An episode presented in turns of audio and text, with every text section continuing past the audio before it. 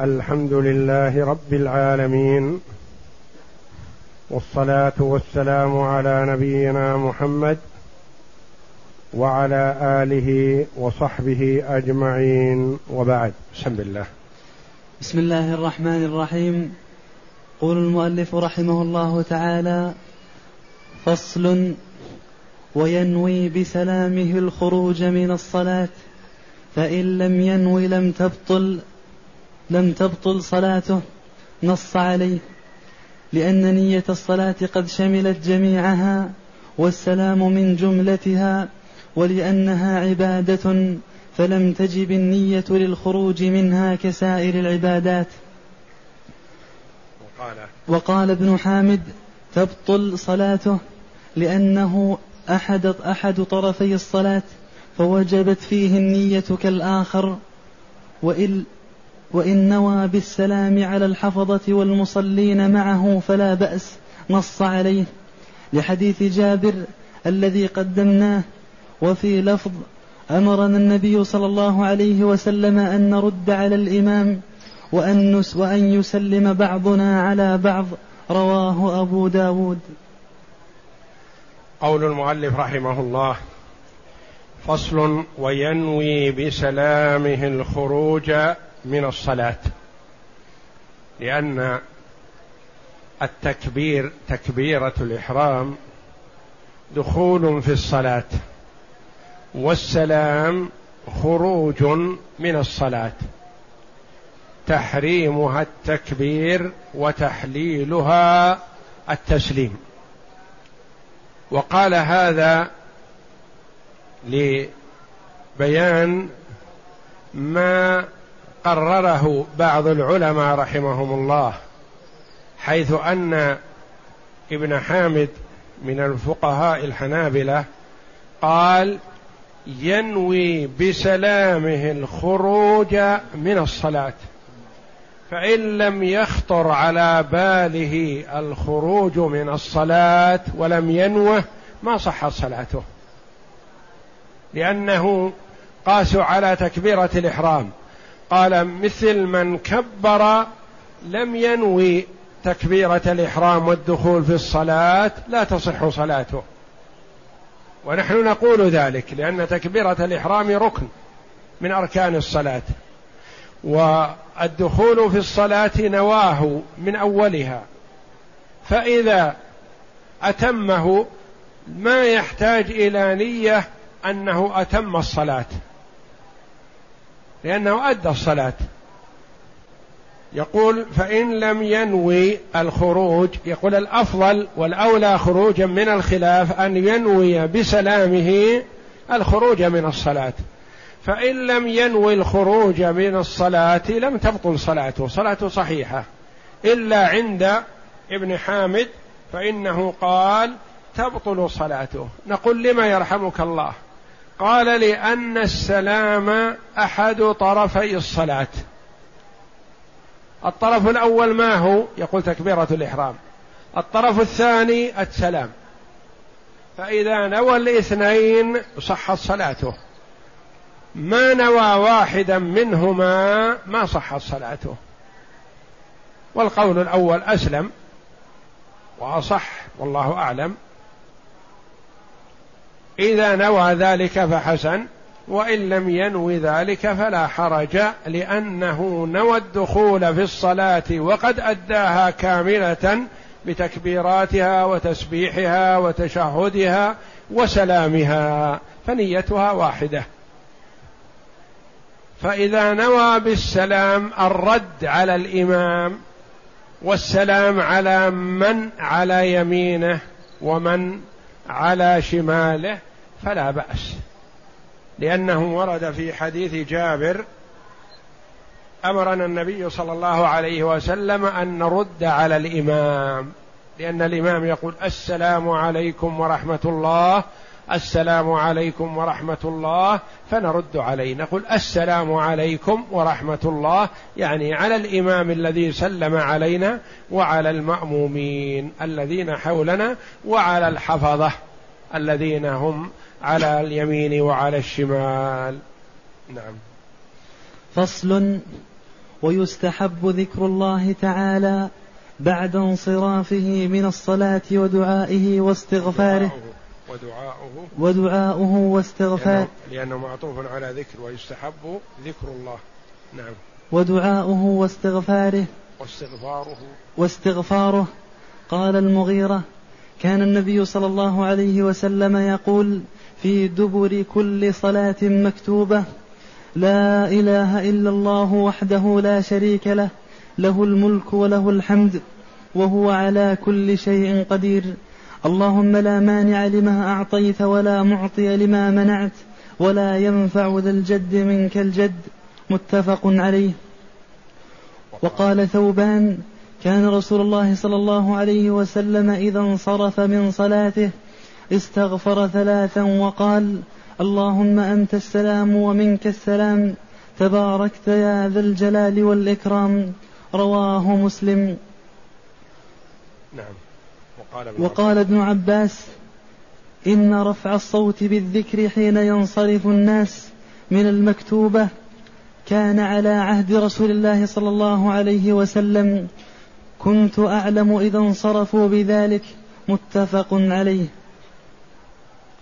ويستحب ذكر الله جل وعلا بعد انصرافه من الصلاة ودعاؤه واستغفاره.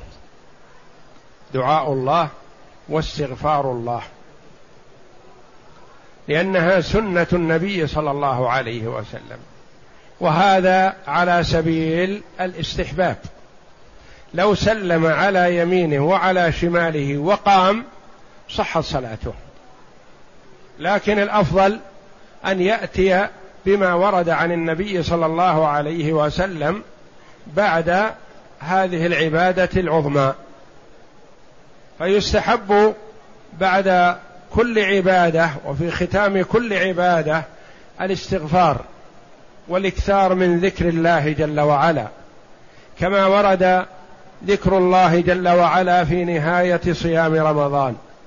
وورد ذكر الله جل وعلا بعد نهاية الصلاة وورد ذكر الله جل وعلا بعد قراءة القرآن والدعاء وهكذا.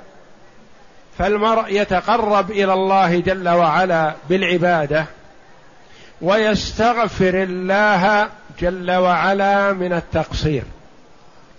يشعر نفسه بأنه مهما أجاد وأتقن العبادة فإنه مقصر في حق الله جل وعلا فيستغفر الله من التقصير. وقد ورد أن النبي صلى الله عليه وسلم إذا سلم استغفر ثلاثا. يعني قال أستغفر الله أستغفر الله أستغفر الله. ثم يقول كما في حديث ثوبان رضي الله عنه كان رسول الله صلى الله عليه وسلم يستغفر ثلاثا ويقول اللهم أنت السلام ومنك السلام تباركت يا ذا الجلال والإكرام. فالله جل وعلا هو السلام ومنه السلام أن يسلم يسلم العباد جل وعلا. والسلام اسم من أسماء الله تعالى. فهو السلام ومنه السلام. تباركت يعني تعاظمت وتقدست. وكلمة تبارك لا يجوز أن تطلق إلا في حق الله جل وعلا فيقال تبارك الله أحسن الخالقين. تبارك الذي بيده الملك وهو على كل شيء قدير. تبارك الذي خلق السماوات والأرض. ويقال تبارك الله. وأما المخلوق فلا يقال فلان تبارك وإنما يقال فلان مبارك. فلا يقال تباركت علينا كما يقوله بعض العامة. هذا خطأ. تباركت علينا بمجيئك؟ لا. تبارك الله. وأما المخلوق فهو مبارك. يقال مجيئك مجيء مبارك وحضورك حضور مبارك. وأنت رجل مبارك. تباركت يا ذا الجلال والإكرام. ثم يقول لا إله إلا الله وحده لا شريك له. له الملك وله الحمد وهو على كل شيء قدير. اللهم لا مانع لما أعطيت ولا معطي لما منعت ولا ينفع ذا الجد منك الجد. ويقول كما أوصى النبي صلى الله عليه وسلم معاذ بن جبل أن لا يدع أن يقول دبر كل صلاة اللهم أعني على ذكرك وشكرك وحسن عبادتك. يقول معاذ رضي الله عنه أخذ النبي صلى الله عليه وسلم بيدي فقال يا معاذ والله إني أحبك. هذه ميزة عظيمة ومنزلة شريفة لمعاذ بن جبل يقسم النبي صلى الله عليه وسلم بأنه يحبه. ومعاذ رضي الله عنه معدم من المال ومدين عليه دين كثير فقير. حتى هم غرماؤه قالوا نبيعه ونستأفي لما تراكب عليه من الدين وأعطاه النبي صلى الله عليه وسلم هذه المنزلة العالية والله يا معاذ إني أحبك. فقال فقال معاذ رضي الله عنه والله يا رسول الله إني أحبك. رضي الله عنه وأرضاه. ثم قال له يا معاذ لا تدعن أن تقول دبر كل صلاة اللهم أعني على ذكرك وشكرك وحسن عبادتك. هذه جمعت خيري الدنيا والآخرة. اللهم أعني على ذكرك ذكر الله جل وعلا والله جل وعلا وعد الذاكرين الثواب العظيم. والذاكرين الله كثيرا والذاكرات أعد الله لهم مغفرة وأجرا عظيما. وقال ولذكر الله أكبر على ذكرك وشكرك. شكر نعمك لأن الله جل وعلا يزيد في النعمة إذا شكرها العبد. وإذ تأذن ربكم لئن شكرتم لأزيدنكم ولئن كفرتم إن عذابي لشديد. فالعبد يبتلى بالنعمة كما يبتلى بالمصيبة. فقد يبتلى بالنعمة فينجح وينال ثواب الدنيا والآخرة. تزيد النعمة وتستقر وثواب الآخرة أعظم. وقد يبتلى بالنعمة فيخفق فيتكون في حقه نقمة خسارة في الدنيا والآخرة. يبتلى بالنعمة فيستعين بها على طاعة الله جل وعلا فتكون له نعمة في الدنيا والآخرة. وقد يبتلى بالنعمة فيستعين بها والعياذ بالله على معصية الله فتكون في حقه نقمة وسبب لشقائه في الدنيا والآخرة. وبالشكر تدوم النعم وتستقر. وبكفران النعمة تضمحل وتذهب. فأنت تسأل الله جل وعلا أن يعينك على ذكره وأن يعينك على شكره وأن يعينك على حسن عبادته. لأن العبادة ليس المراد مجرد العبادة فقط لأن العبادة قد يعبده الجاهل ويعبده المخرف ويعبده المبتدع على غير السنة فلا ينفع. فالمبتدع أحيانا يكون مخلص لله في العبادة.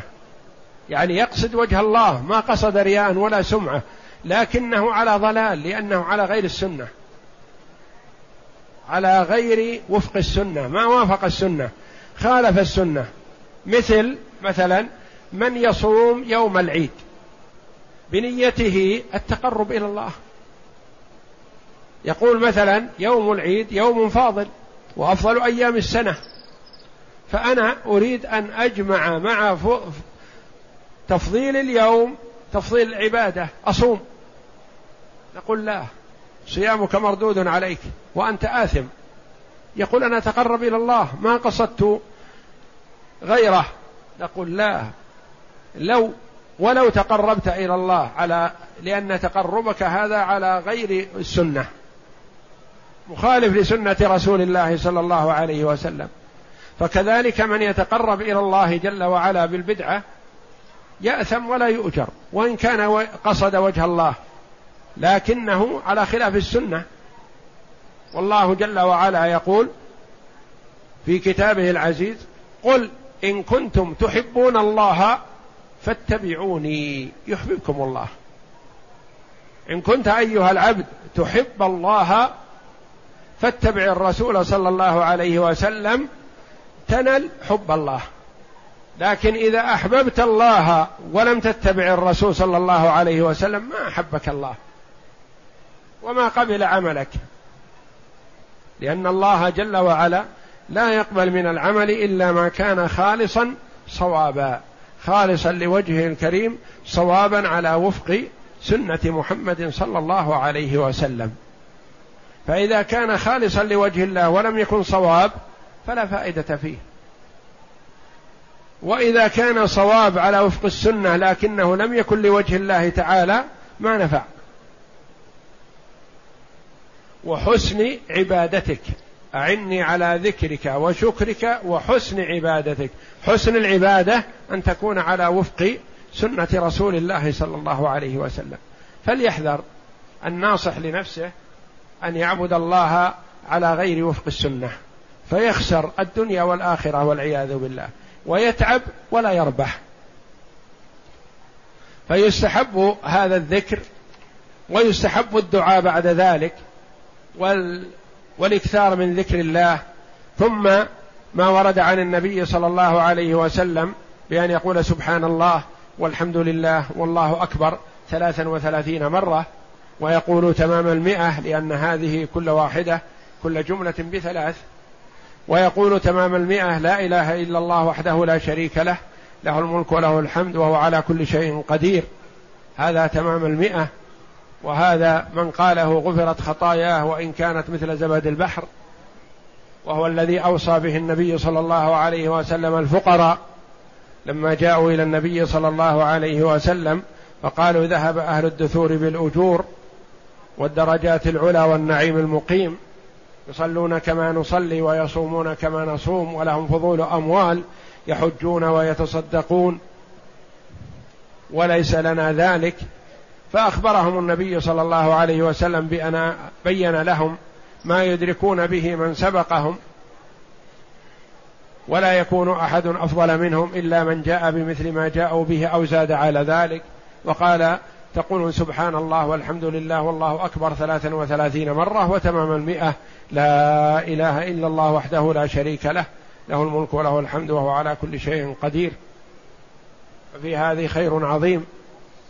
وكذلك يستحب أن يقول اللهم أجرني من النار بعد صلاة المغرب وبعد صلاة الفجر سبع مرات. ويقول لا إله إلا الله وحده لا شريك له. له الملك وله الحمد وهو على كل شيء قدير. بعد صلاة المغرب وبعد صلاة الفجر عشر مرات. ويكثر من ذكر الله جل وعلا والدعاء والتضرع إلى الله بدون رفع اليدين لأنه لم يرد رفع اليدين في هذا. والمسلم مأمور بعد الانصراف من الصلاة أن يدعو ويذكر بهذا الذكر والدعاء الوارد.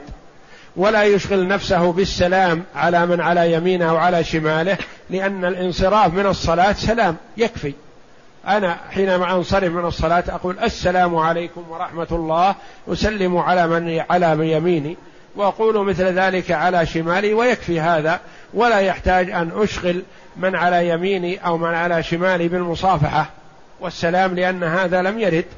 وإنما أشغل نفسي بما ثبت عن النبي صلى الله عليه وسلم من الذكر والثناء على الله وسؤال الله جل وعلا. فصل. وكذلك يستحب رفع الصوت في هذا لأن هذا علامة للانصراف من الصلاة. يقول ابن, مس... ابن عباس رضي الله عنهما كنت أعلم إذا انصرفوا بذلك. يعني رفع الصوت بالذكر على عهد النبي صلى الله عليه وسلم. يقول إذا أقبل إلى المسجد مثلا فسمع الذكر عرف أنهم انصرفوا من الصلاة لأنه يسمعه من كان خارج من المسجد فيستحب رفع الصوت بذلك. نعم.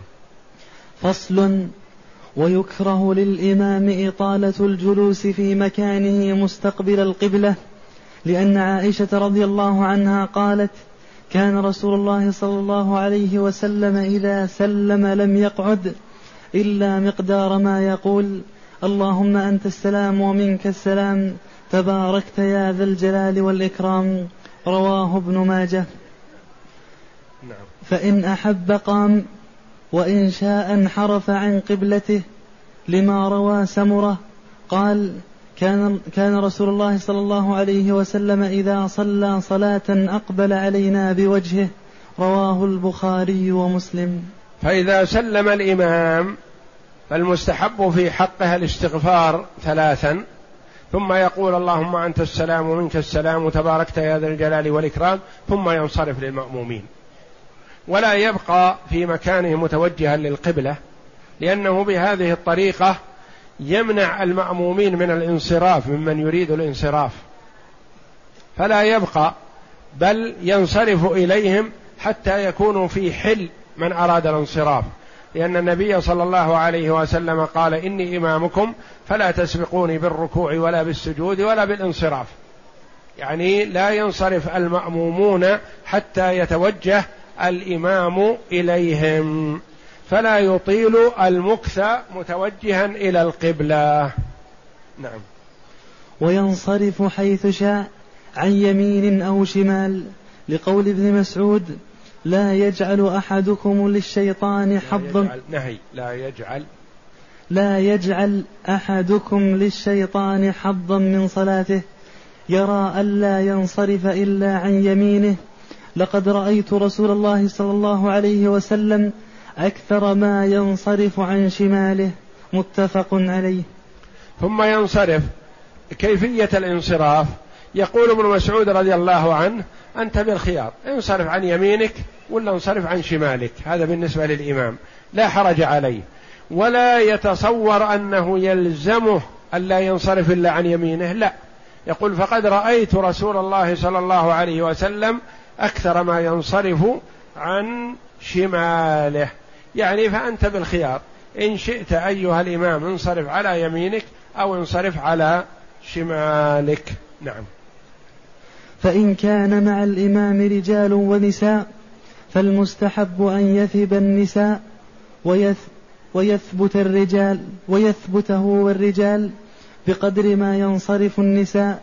لقول أم سلمة إن النساء في عهد رسول الله صلى الله عليه وسلم كن إذا سلمن من المكتوبة قمن وثبت رسول الله صلى الله عليه وسلم ومن صلى من الرجال ومن صلى من الرجال ما شاء الله فإذا قام رسول الله صلى الله عليه وسلم قام الرجال قال الزهري فنرى أن ذلك لكي ينفذ من ينصرف من من ينصرف من النساء رواه البخاري.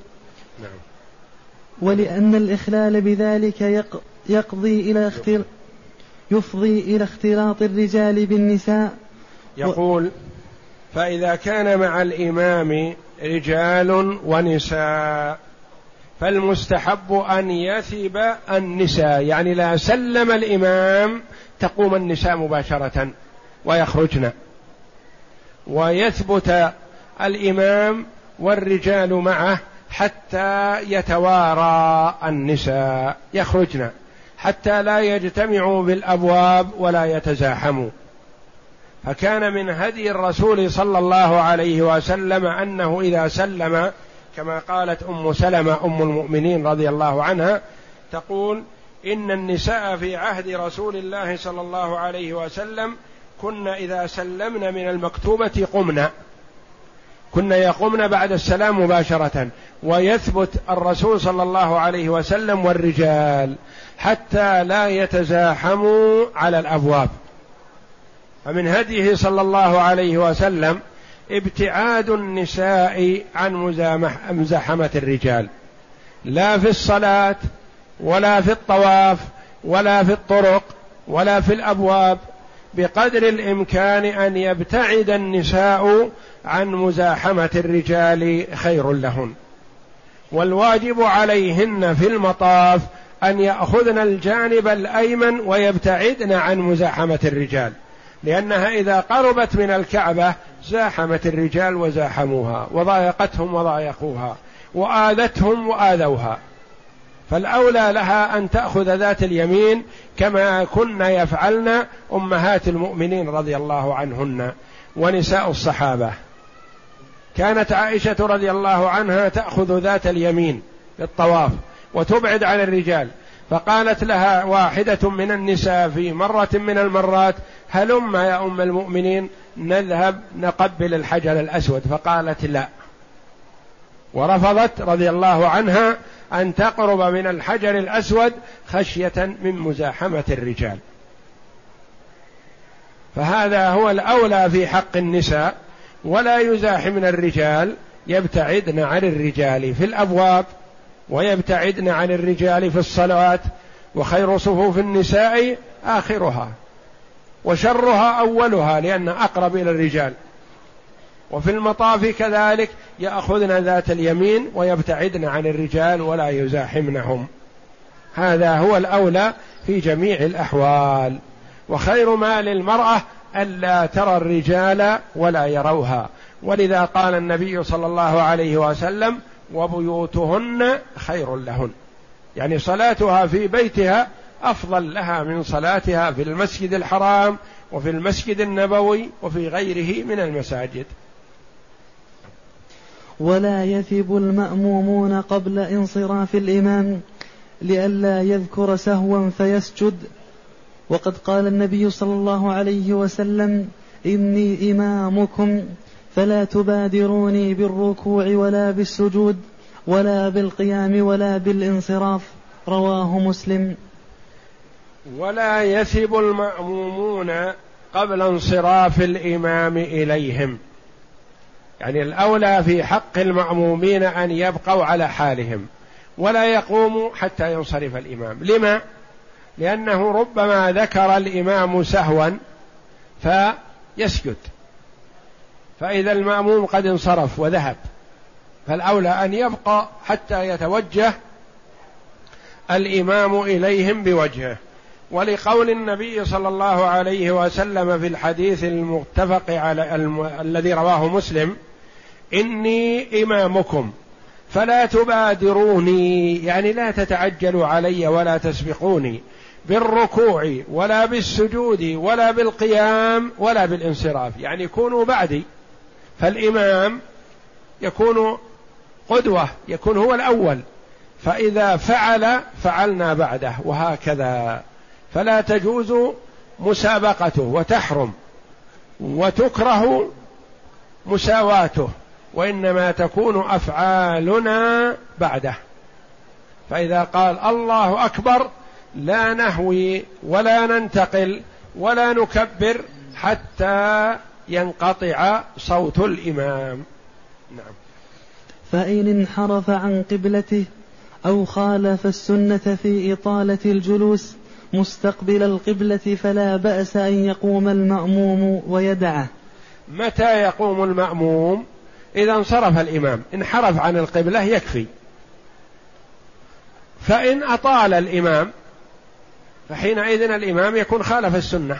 إذا أطال البقاء إلى جهة القبلة فالمأموم في حل حينئذ. لأن لا نقلد ونتابعه في مخالفة السنة. إذا أخذ بالسنة فهو إمامنا وأخذنا وتابعناه وإذا أطال وخالف السنة انصرفنا وتركناه نعم. فصل ويكره للإمام التطوع في موضع صلاته المكتوبة نص عليه. وقال كذا قال علي بن أبي طالب رضي الله عنه وللمأموم أن يتطوع موضع صلاته فعله ابن عمر وروى المغيرة بن شعبة أن النبي صلى الله عليه وسلم قال لا يتطوع الإمام في مقامه الذي يصلي فيه, فيه بالناس رواه أبو داود. فإن, فإن دعت إليه ضرورة لضيق المسجد انحرف قليلا عن مصلاه ثم عن مصلاه ثم صلى. نعم. ويكره للإمام التطوع في موضع صلاته المكتوبة. يعني يكره للإمام أن يصلي نافلة في المكان الذي صلى فيه المكتوبة. لأنه ربما أوهم المأمومين أو أوهم الداخل فيظن أنه لا يزال يصلي فيتابعه وهو يصلي لنفسه. فالأولى له أن ينصرف. أما المأموم فلا حرج أن يصلي في مكان صلاته لأنه لا محذور في هذا ولا متابعة. فإن دعت إلى هذا ضرورة كان المسجد ممتلئ بالمصلين لا مكان له فينحرف قليلا يمينا أو شمالا عن مصلاه ويصلي ولا حرج لأنه لزم ذلك لوجود لعدم وجود مكان ينتقل إليه. نعم. فصل ويرتب الصلاة على ما ذكرنا. ركنا لا يسامح بها في عمد ولا سهو. فصل ثم يرتب الصلاة على ما ذكرنا. يعني يرتب صلاته على هذا الترتيب وهذا ركن من أركان الصلاة. لو خالف صحت صلاته ما صحت. لو أتى بالسجود قبل الركوع مثلا في الركعة ما صحت صلاته. لو أتى بالتشهد الأخير وجعله مكان التشهد الأول ونقل التشهد الأول وجعله مكان التشهد الأخير ما صحت صلاته. لو قدم أو أخر على غير هذه الصفة مثلا إذا رفع من الركوع قال الله أكبر وإذا أراد أن يسجد قال سمع الله لمن حمده. ما صحت صلاته لأنه يعبث. فالترتيب الصلاة على ما أوصانا به وأمرنا به النبي صلى الله عليه وسلم ركن من أركان الصلاة. كما قال عليه الصلاة والسلام صلوا كما رميتموني أصلي. فلا يجوز لنا أن نشرع صلاة نصليها لأنفسنا. لم يشرعها النبي صلى الله عليه وسلم بصفة أفعالها. نخالف فيها ما فعله عليه الصلاة والسلام. ولذا قال ويرتب الصلاة على ما ذكرنا. يرتب أركان الصلاة وأفعالها على حسب ما ساقه المؤلف لأنه هو الصفة التي صلاها النبي صلى الله عليه وسلم. قال فصارت أركان الصلاة خمسة عشر ركنا لا يسامح بها في عمد ولا سهو. نأتي بها على سبيل الاختصار هي خمسة عشر. أولها الأول القيام في الفرض. الثاني تكبيرة الإحرام. الثالث قراءة الفاتحة. الرابع الركوع. الخامس الاطمئنان فيه. السادس الرفع من الركوع. السابع الاعتدال قائما. الثامن السجود. التاسع الاطمئنان فيه يعني في السجود. العاشر الرفع من السجود. الحادي عشر الاعتدال جالسا. الثاني عشر الجلوس للتشهد الأخير. الثالث عشر التشهد الأخير. الرابع عشر التسليم. الخامس عشر الترتيب. يعني ترتيب ذلك كما رتبه النبي صلى الله عليه وسلم. نعم. وواجباتها المختلف فيها تسعة. التكبير سوى تكبيرة الإحرام والتسبيح في الركوع. التك... والواجباتها المختلف فيها.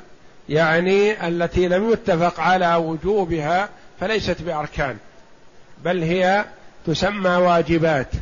والواجب إذا تركه سهوا جبره سجود السهو.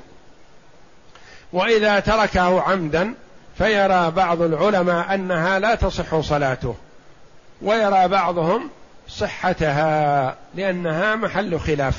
نعم وهي قال تسعة.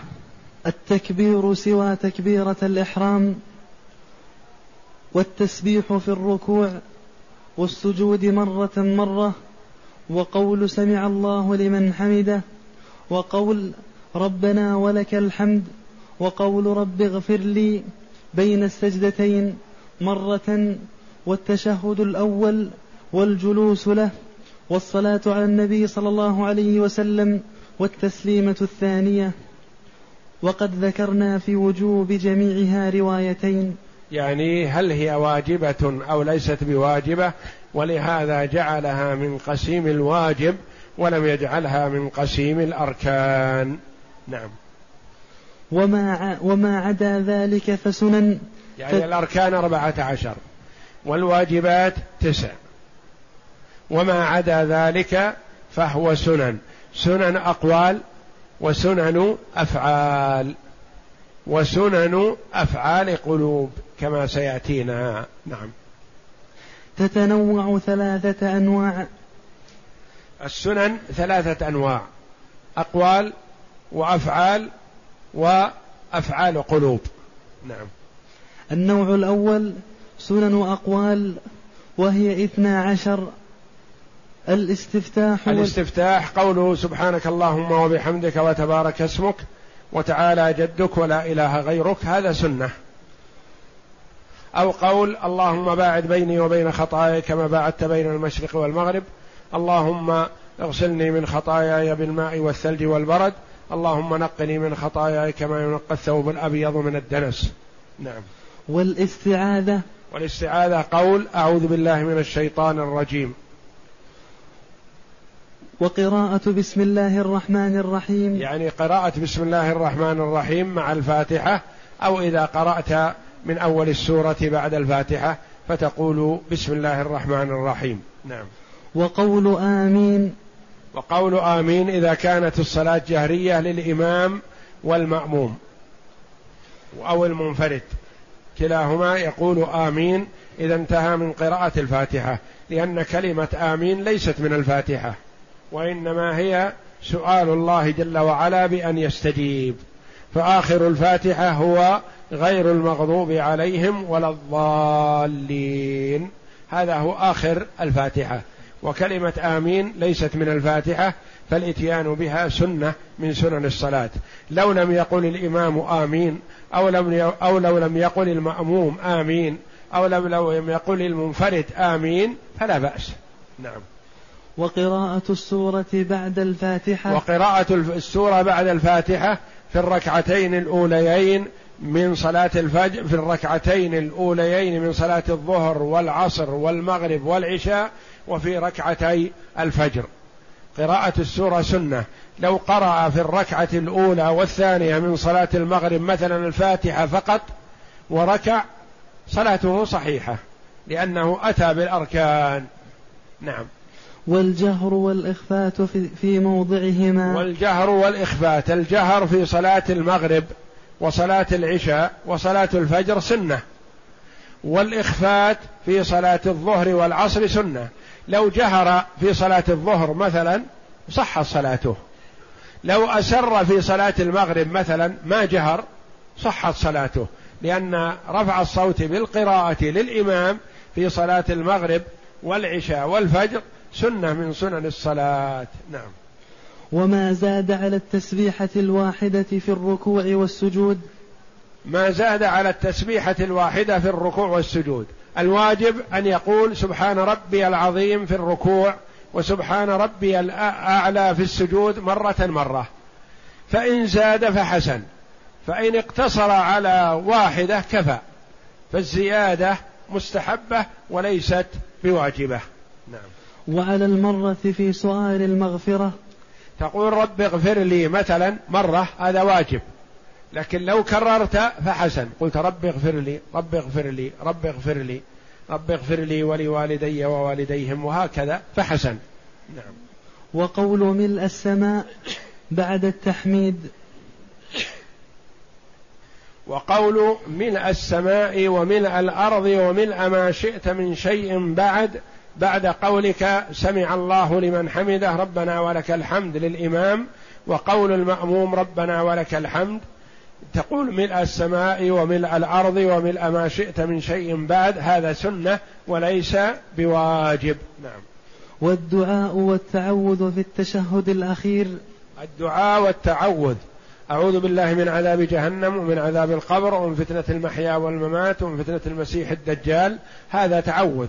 وقول ربنا آتنا في الدنيا حسنة وفي الآخرة حسنة وقنا عذاب النار وما أتيت به من دعاء. ربنا لا تزغ قلوبنا بعد إذ هديتنا وهب لنا من لدنك رحمة وما شئت من الدعاء. هذا مستحب وليس بواجب. وقنوت الوتر. قنوت الوتر يعني بعد الرفع من الركوع في صلاة الوتر إذا دعا الإمام وأثنى على الله جل وعلا فذلك مستحب وليس بواجب. نعم. النوع الثاني سنن الأفعال. هذه التي تقدمت سنن أقوال وهي اثنتا عشرة. هذه سنن أقوال.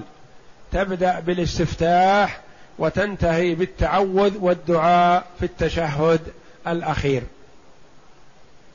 النوع الثاني سنن الأفعال يعني فعل وليس بقول. نعم.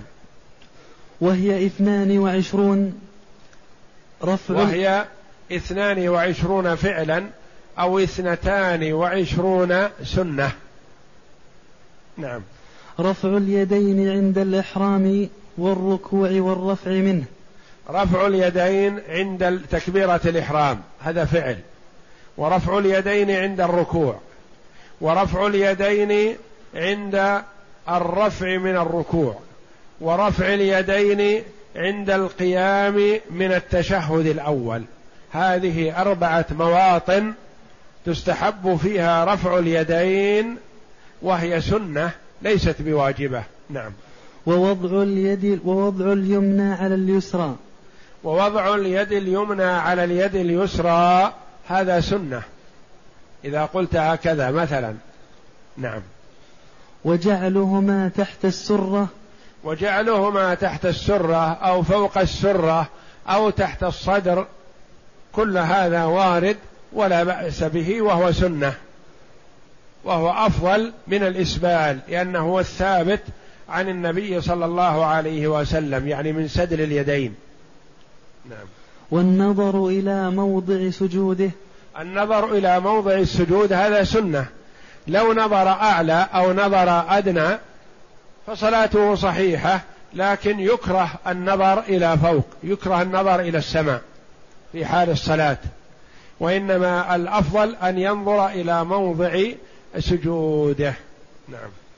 ووضع اليدين على الركبتين في الركوع. ووضع اليدين على الركبتين يعني إلقام اليدين الركبتين عند الركوع هذا سنة. لو جعلهما بين الركبتين صح ركوعه. أو لم يلقمهما ركع حنى ظهره ومد يديه مثلا أو أبعدهما عنه فصلاته صحيحة. لكن وضعهما على الركبتين أفضل. نعم. ومد الظهر ومد الظهر في الركوع. لو انحنى قليلا كفى لكن إذا مد ظهره فذلك أفضل. نعم. والتسوية بين رأسه وظهره. وجعلوا رأسه حيال ظهره مستوي معه. لو دل رأسه أسفل فلا بأس أو رفع رأسه أعلى فالصلاة صحيحة لكن خلاف الأفضل. نعم. والتجافي فيه. والتجافي حال الركوع. يعني لو ضم نفسه حال الركوع وجعل يديه بين ركبتيه صح ركوعه. لكن التجافي أفضل أن يبعد يديه عن جنبيه. ويقوسهما يجعلهما بمثابة الوتر. وتر. نعم. والبداية بوضع الركبتين قبل اليدين في السجود. وعند السجود وضع الركبتين قبل اليدين أفضل. فإن وضع يديه قبل ركبتيه فلا بأس. فإن كان من عذر فلا حرج. وإن كان من غير عذر فهو خلاف الأولى. نعم. ورفع اليدين قبل الركبتين في النهوض. وعند القيام من السجود أو القيام من التشهد ورفع اليدين أول أفضل من أن يرفع ركبتيه قبل يديه. نعم. والتجافي فيه. والتجافي فيه يعني حال السجود. نعم. وفتح أصابع رجليه في فيه وفي الجلوس. يعني وضع أصابع يديه إلى جهة القبلة مدهما ورص بعضهما إلى بعض هذا أولى. لكن لو ضمهما هكذا وجعلهما على الأرض مضمومتين فالصلاة صحيحة مثلا. أو جعل ظهور كفيه إلى الأرض فالصلاة صحيحة. المهم أن تصل يداه إلى الأرض. والصلاة صحيحة كيفما وصلت لكن الأفضل أن يجعل بطون يديه إلى الأرض ممدودتي الأصابع وأطرافهما إلى القبلة. نعم. ووضع يديه حذو منكبيه مضمومة مستقبلا بها القبلة. نعم وضع يديه عند استقبال عند السجود مستقبلا بهما القبلة نعم. والتورك في التشهد الأخير. والتورك في التشهد الأخير عرفنا التورك أمس هو أن يجعل إليتيه على الأرض ويخرج قدمه اليسرى تحت فخذه اليمنى وينصب قدمه اليمنى ويجعل بطون أصابعها إلى الأرض وأطراف أصابعها إلى القبلة. نعم. والإفتراش في الأول وفي والإفتراش في التشهد الأول يعني يجعل رجله اليسرى تحت أليتيه يعني يجلس عليها. التورك يجلس على الأرض والإفتراش يجلس على قدمه اليسرى. نعم. وفي سائر الجلوس. وفي سائر الجلوس في الصلاة يفترش. ما عدا التشهد الأخير فيتورك. ووضع اليد اليمنى على الفخذ اليمنى مقبوضة محلقة. نعم. وضع اليد اليمنى على الفخذ اليمنى محلقة. هكذا يضم الخنصر والبنصر ويحلق الإبهام مع الوسطى ويرفع السبابة ويشير بها عند الدعاء أو عند ذكر الله أو عند التشهد. نعم. والإشارة بالسبابة. والإشارة بالسبابة عند الدعاء أو عند ذكر الله أو عند التشهد. نعم. ووضع ووضع اليسرى على الفخذ اليسرى مبسوطة. ووضع اليد اليسرى على الفخذ اليسرى مبسوطة. ليست مضمومة مثل اليد اليمنى بل مبسوطة أطراف أصابعها إلى القبلة. نعم. والالتفات عن يمينه وشماله في التسليم. والالتفات يعني يسلم. لو قال مثلا السلام عليكم ورحمة الله السلام عليكم ورحمة الله ووجهه إلى القبلة صحت صلاته. لكن السنة والأفضل أن يسلم على اليمين فيلتفت ويسلم على الشمال فيلتفت. ويبدأ كما قلنا أمس ومضى أن يبدأ السلام متوجه إلى القبلة فيقول السلام عليكم ورحمة الله. يتوجه برحمة الله إلى اليمين وإلى الشمال ويلفظ بالسلام ووجهه إلى القبلة. هذا الأفضل. نعم. والسجود على أنفه. والسجود على أنفه سنة. و وقال بعضهم بوجوبه مع الجبهة. لأن النبي صلى الله عليه وسلم أشار بسبعة أعظم قال اليدين والركبتين واليدين والجبهة والأنف أشار إلى أنفه والجبهة وأشار إلى أنفه يعني الجبهة مع الأنف. نعم. وجلسة الاستراحة. وجلسة الاستراحة عند من يقول بها وتقدم لنا الخلاف في ذلك هل هي سنة؟ لكل في حق كل أحد أم هي سن أم هي جائزة في حق من هو محتاج إليها لكبر أو مرض. نعم. على إحدى الروايتين فيهما. على إحدى الروايتين فيهما أي في جلسة الاستراحة والسجود على الأنف لأن السجود على الأنف في رواية أنه واجب. وجلسة الاستراحة في إحدى الروايتين أنها مباحة إباحة فقط وليست بسنة. نعم. والنوع الثالث؟ هذه سنن الأفعال. نعم. ما يتعلق وهي اثنتان وعشرون سنة. نعم. والنوع الثالث؟ وهي إذا عددتها أكثر من هذا العدد لكنها أشياء مكررة. مكررة مثل رفع اليدين. في أربعة مواطن وهو عدها واحدة. نعم. والنوع الثالث ما يتعلق بالقلب وهو الخشوع ونية الخروج في سلامة. النوع الثالث من من السنن شيء لا ليس بفعل ظاهر ولا بقول وإنما هو شيء يتعلق بالقلب وهو الخشوع في الصلاة الذي هو لبها. لكن هذا لا يقال مثلا من صلى صلاة بدون خشوع ما يقال بطلت صلاتك أو لا صلاة لك. هو صلى بالفعل لكن هل لها ثمرة وقيمة؟ هذا عند الله جل وعلا نحن لا ندري. لكن الخشوع في الصلاة نقول يتأكد ويستحب استحبابا وليس بواجب. فلو مثلا لم يخشع في صلاته ما نقول له صلاتك غير صحيحة وإنما قد يحرم من ثوابها بالكلية وهذا إلى الله جل وعلا ليس لنا فيه شيء ولا ندري عنه. نعم.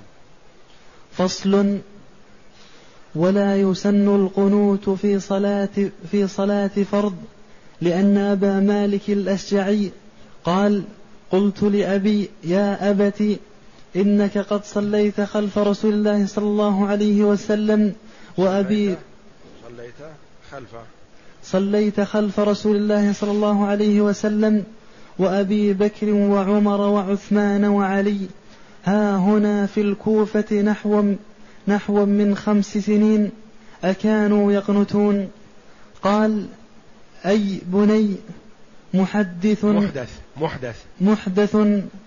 قال الترمذي هذا حديث حسن. هذا أبو مالك الأشعري رحمه الله يسأل والده الصحابي يقول يا أبتي صليت خلف النبي صلى الله عليه وسلم وخلف أبي بكر وخلف عمر وخلف عثمان وخلف علي ها هنا في الكوفة خمس سنين. هل كانوا يقنتون في الفريضة؟ قال أي بني محدث.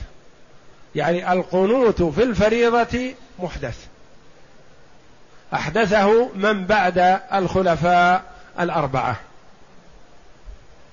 والنبي صلى الله عليه وسلم لا شك أنه قنت لكن كان آخر الأمرين ترك القنوت منه صلى الله عليه وسلم. فلذا قال العلماء إذا نزل بالمسلمين نازلة فيستحب القنوت.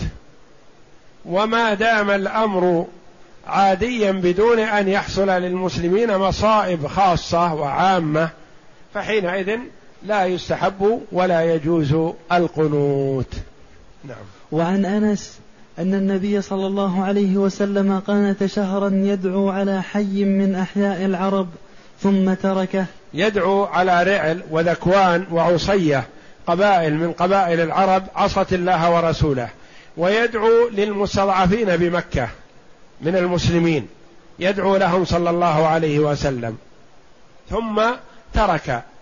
لما قيل له نزل عليه صلى الله عليه وسلم قوله ليس لك من الأمر شيء أو يتوب عليهم أو يعذبهم فإنهم ظالمون. توقف عن القنوت عليه الصلاة والسلام. نعم. فإن نزل بالمسلمين نازلة فللإمام القنوت في صلاة الصبح بعد الركوع اقتداء برسول الله صلى الله عليه وسلم لما روى أبو هريرة أن رسول الله صلى الله عليه وسلم كان لا يقنت في صلاة الفجر إلا إذا دعا إلا إذا دعا إلا إذا دعا القوم. إذا دعا لقوم. إلا إذا دعا لقوم أو دعا على قوم رواه سعيد في سننه وليس ذلك لآحاد المسلمين. فإذا نزل بالمسلمين نازلة حصل للمسلمين مصيبة أذية عامة أو خاصة ببعض أفراد المسلمين فللإمام أن يقنت في صلاة الفجر. وليس ذلك لأحد الناس. ليس لكل أحد لئلا تكون المسألة فوضى. ومن شاء قنت ومن شاء ترك لا. للإمام هو الذي يقنت ويأذن بذلك لأجل أن يكون أمر المسلمين منضبط. فلحديث أبي هريرة رضي الله عنه أن رسول الله صلى الله عليه وسلم كان لا يقنت في صلاة الفجر إلا إذا دعا لقوم أو دعا على قوم. يعني آذى رسول الله صلى الله عليه وسلم قوم دعا عليهم. أو أوذي أفراد من أفراد المسلمين في مكان من الأمكنة فيدعو لهم بالخلاص. نعم.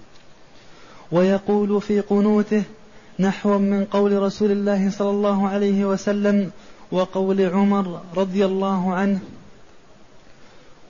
نعم. وكان وكان عمر يقول في القنوت اللهم اغفر للمؤمنين والمؤمنات والمسلمين والمسلمات وألف بين قلوبهم وأصلح ذات بينهم وانصرهم على عدوك وعدوهم. اللهم العن كفرة أهل الكتاب الذين يكذبون رسلك ويقاتلون أولياءك. اللهم خالف بين كلمتهم وزلزل أقدامهم وأنزل بهم بأسك الذي لا يرد عن القوم المجرمين. بسم الله الرحمن الرحيم. اللهم إنا نستعينك. رواه رواه أبو داود. فإذا قنت يستحب أن يأتي بالقنوت الذي أتى به النبي صلى الله عليه وسلم وأخذه عمر رضي الله عنه بعد النبي صلى الله عليه وسلم فكان يقنت به.